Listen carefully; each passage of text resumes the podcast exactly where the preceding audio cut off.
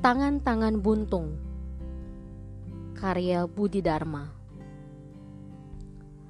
Tidak mungkin sebuah negara dipimpin oleh orang gila. Tidak mungkin pula sebuah negara sama sekali tidak mempunyai pemimpin.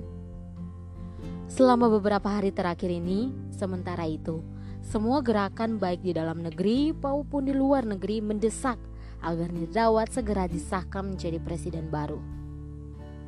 Karena Nirdawa tidak bersedia, maka akhirnya pada suatu hari yang cerah, ketika suhu udara sejuk dan langit kebetulan sedang biru tanpa ditutupi oleh awan, ribuan rakyat mengelilingi rumah Nirdawat dan berteriak-teriak dengan nada memohon agar untuk kepentingan bangsa dan negara, Nirdawat bersedia menjadi presiden.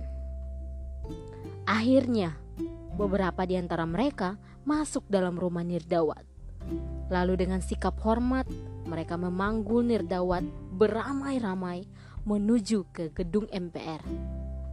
Sementara itu, teriakan-teriakan hidup Presiden Nirdawat terus-menerus berkumandang dengan nada penuh semangat namun sangat syahdu. Demikianlah semua anggota MPR menyambut kedatangan Nirdawat dan segera menggelandang Nirdawat dengan halus dan penuh hormat untuk tampil di mimbar. Ketua MPR pun berpidato, singkat tapi padat. Inti pidato, rakyat sangat merindukan pemimpin yang baik dan pemimpin yang baik itu tidak lain dan tidak bukan adalah Nirdawat. Maka Jaksa Agung dengan khidmat melantik Nirdawat sebagai Presiden Republik Demokratik Nirdawat. Memang presidennya bernama Nirdawat dan nama negaranya diambil dari nama presidennya. Setelah menyampaikan pidato pelantikannya sebagai presiden, dalam hati Nirdawat berkata kepada dirinya sendiri bahwa dia akan bekerja dengan sebaik-baiknya dan sebelum masa jabatannya berjalan satu tahun, dia tidak akan pergi ke luar negeri dengan alasan apa pun. Banyak persoalan dalam negeri yang harus dihadapi, dan semuanya itu akan diselesaikannya dengan sebaik-baiknya. Namun karena Nirdawat dikenal sebagai pribadi sederhana dan pekerja keras serta tidak mementingkan diri sendiri, maka begitu banyak pemimpin negara berkunjung ke Republik Demokratik Nirdawat. Tentu saja, khusus untuk menemui Presiden Nirdawat. Hasil pembicaraan dengan sekian banyak pimpinan negara itu mudah diterka. Kesepakatan kerjasama dalam perdagangan, pendidikan, kesehatan, industri, dan kebudayaan. Ujung dari semua kesepakatan juga mudah diterka. Dengan tulus tapi bersifat mendesak, semua pemimpin negara mengundang Presiden Nirdawat untuk mengadakan kunjungan balasan. Semua kunjungan balasan akan berlangsung paling sedikit tiga hari. Karena dalam setiap kunjungan balasan, masing-masing pemimpin negara dengan bersungguh-sungguh menunjukkan kemajuan-kemajuan negaranya dan juga kekurangan-kekurangan negaranya. Demi kepentingan semua negara, kerjasama harus segera dilaksanakan, juga dengan sungguh-sungguh. Begitu sebuah kunjungan pemimpin asing usai, berita mengenai keengganan Presiden Nirdawat untuk melawat ke luar negeri muncul sebagai berita-berita besar dan menarik perhatian hampir semua warga negara Republik Demokratik Nirdawat. Akhirnya, dengan berbagai cara, tokoh-tokoh masyarakat sekuler, tokoh-tokoh agama, dan tokoh-tokoh pemuda menyuarakan hati nurani mereka dengan tulus bahwa untuk kepentingan negara dan bangsa, Presiden Nirdawat benar-benar diharapkan untuk memenuhi undangan sekian banyak pimpinan negara-negara asing itu. Desakan demi desakan terus berlangsung. Terceritalah setelah malam tiba dalam keadaan lelah, Presiden Nirdawat masuk ke kamar tidur.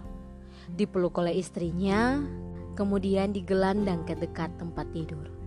Dengan lembut, istrinya memberinya beberapa ciuman, kemudian melepas baju nirdawat, lalu melepas kaos dalam nirdawat, dan akhirnya menelungkupkan tubuh Nirdawat di tempat tidur. Kemudian, dengan lembut pula, istrinya memijit-mijit punggung Nirdawat. Nirdawat, cobalah kita kenang kembali masa-masa pacaran kita dulu. Kita berjalan-jalan di kampus, duduk-duduk di rumput, kemudian berjalan lagi ke bawah pohon jejawi dan berbincang mengenai keinginan-keinginan kita. Bagi kita, itulah keinginan biasa, tapi bagi teman-teman, keinginan itu merupakan cita-cita mulia. Cobalah kita tengok peta dunia ini, kata Nerdawat dalam sebuah pertemuan dengan teman-temannya setelah membentangkan sebuah peta dan menggantungkannya di dinding. Bagi mereka yang tidak pernah menghadiri pertemuan itu, amat-amatilah nama sekian banyak negara dalam peta, maka tampaklah sebuah negara yang namanya beberapa kali berubah. Setelah sekian lama, nama ini berubah. Akhirnya, negara ini punya nama baru, yaitu Republik Demokratik Dobol. Lalu berubah menjadi Republik Demokratik Abdul Jedul. Lalu disusul oleh nama baru lain, yaitu Republik Demokratik Ciglong. Bukan hanya itu, ternyata bendera negara ini juga berubah-ubah sesuai dengan nama negaranya. Maka pernah ada bendera dengan gambar seseorang berwajah beringas bernama Dobol. Lalu ada bendera dengan gambar Abdul Jedul dengan wajah garang disusul oleh bendera bergambarkan wajah tolol Jiglong. Mengapa nama negara dan benderanya berubah-ubah, padahal negaranya sama? Tidak lain, jawabannya terletak pada kebiasaan di negara itu.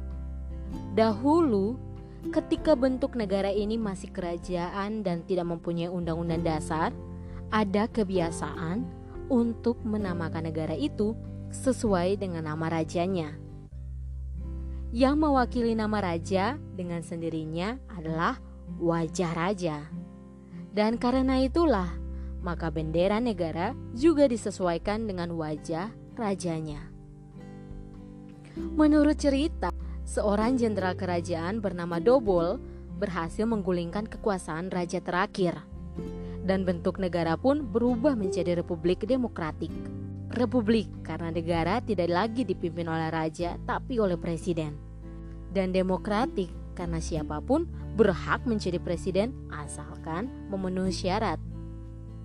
Maka negara yang dulu diatur oleh kebiasaan tanpa undang-undang semenjak Dobol menjadi presiden, kebiasaan pun diganti dengan undang-undang dasar. Karena Dobol beranggapan bahwa undang-undang dasar tidak boleh seluruhnya bertentangan dengan kebiasaan lama, maka dalam undang-undang yang kata Dobol bersifat sementara itu dengan tegas mencantumkan kata-kata bahwa nama negara disesuaikan dengan nama presiden. Bendera negara pun mau tidak mau harus menampilkan wajah presiden. Karena dalam kebiasaan lama masa jabatan raja tidak ada batasnya, maka, supaya Undang-Undang Dasar tidak sepenuhnya bertentangan dengan kebiasaan lama, dalam Undang-Undang Dasar Negara Republik Demokratik ini, pasal mengenai masa jabatan presiden pun tidak perlu dicantumkan. Demikianlah, Dobol menjadi Presiden Republik Demokratik Dobol.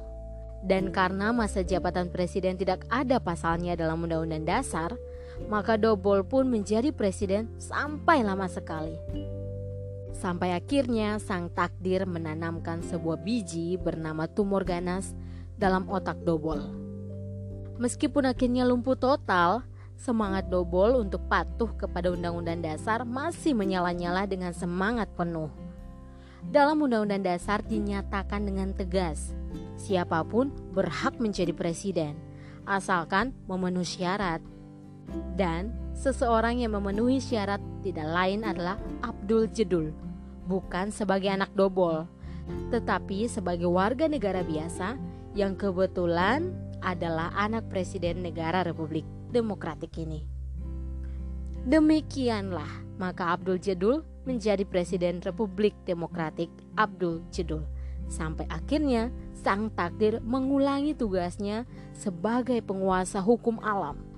Sebuah bibit tumor ganas disisipkan ke dalam otak Abdul Jebul dan tamatlah riwayat Abdul Jebul. Karena sebagaimana halnya Dobol, Abdul Jedul juga sangat setia dengan undang-undang dasar negara yang kata Dobol bersifat sementara. Maka jatuhlah kekuasaan Presiden Republik Demokratik ini ke tangan Jiglong. Seseorang yang memenuhi syarat untuk menjadi presiden bukan karena dia anak Presiden Republik Demokratik Abdul Jedul, tapi karena sebagai warga negara biasa, dia benar-benar memenuhi syarat untuk menjadi presiden. Kebetulan Jiglong anak manja, malas, suka foya-foya, dan tentu saja suka main perempuan.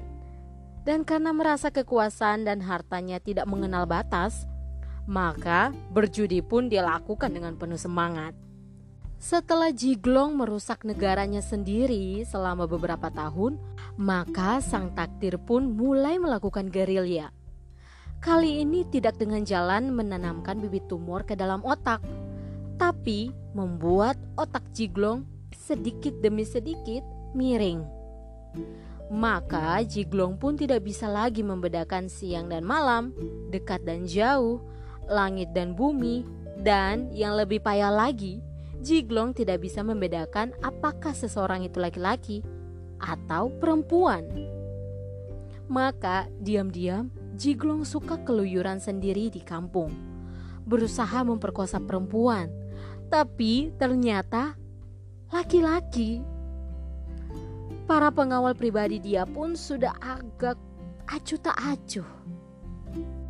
Akhirnya, penggulingan kekuasaan pun terjadi tanpa tahu siapa pemimpinnya dan tanpa pertumpahan darah sama sekali. Tanpa diketahui siapa yang memberi komando, tahu-tahu Jiglong sudah diringkus dan dilemparkan ke rumah sakit jiwa. Juga tanpa diketahui siapa yang memberi komando, sekonyong-konyong serombongan anak muda merebut stasiun televisi dan radio. Lalu secara spontan mengumumkan bahwa sejak saat itu nama negara diganti dengan Republik Demokratik Nirdawat dengan bendera berwajahkan Nirdawat. Kau harus melakukan sesuatu Nirdawat. Sekarang juga aku selalu mendampingimu, kata istrinya dengan lembut. Lalu menciumi Nirdawat lagi dengan lembut pula. Keesokan harinya keluar dekret presiden, terdiri atas tiga butir yaitu mulai hari itu nama negara diganti dengan nama baru yang tidak boleh diubah-ubah lagi, yaitu Republik Demokratik Nusantara. Itu butir pertama. Butir kedua, bendera Republik Demokrasi Nusantara harus diciptakan dalam waktu sesingkat-singkatnya tanpa mencantumkan wajah siapa pun juga. Dan butir ketiga, masa jabatan presiden dibatasi paling banyak dua periode, masing-masing periode lima tahun. Lagu kebangsaan seperti yang lalu-lalu tinggal diganti liriknya.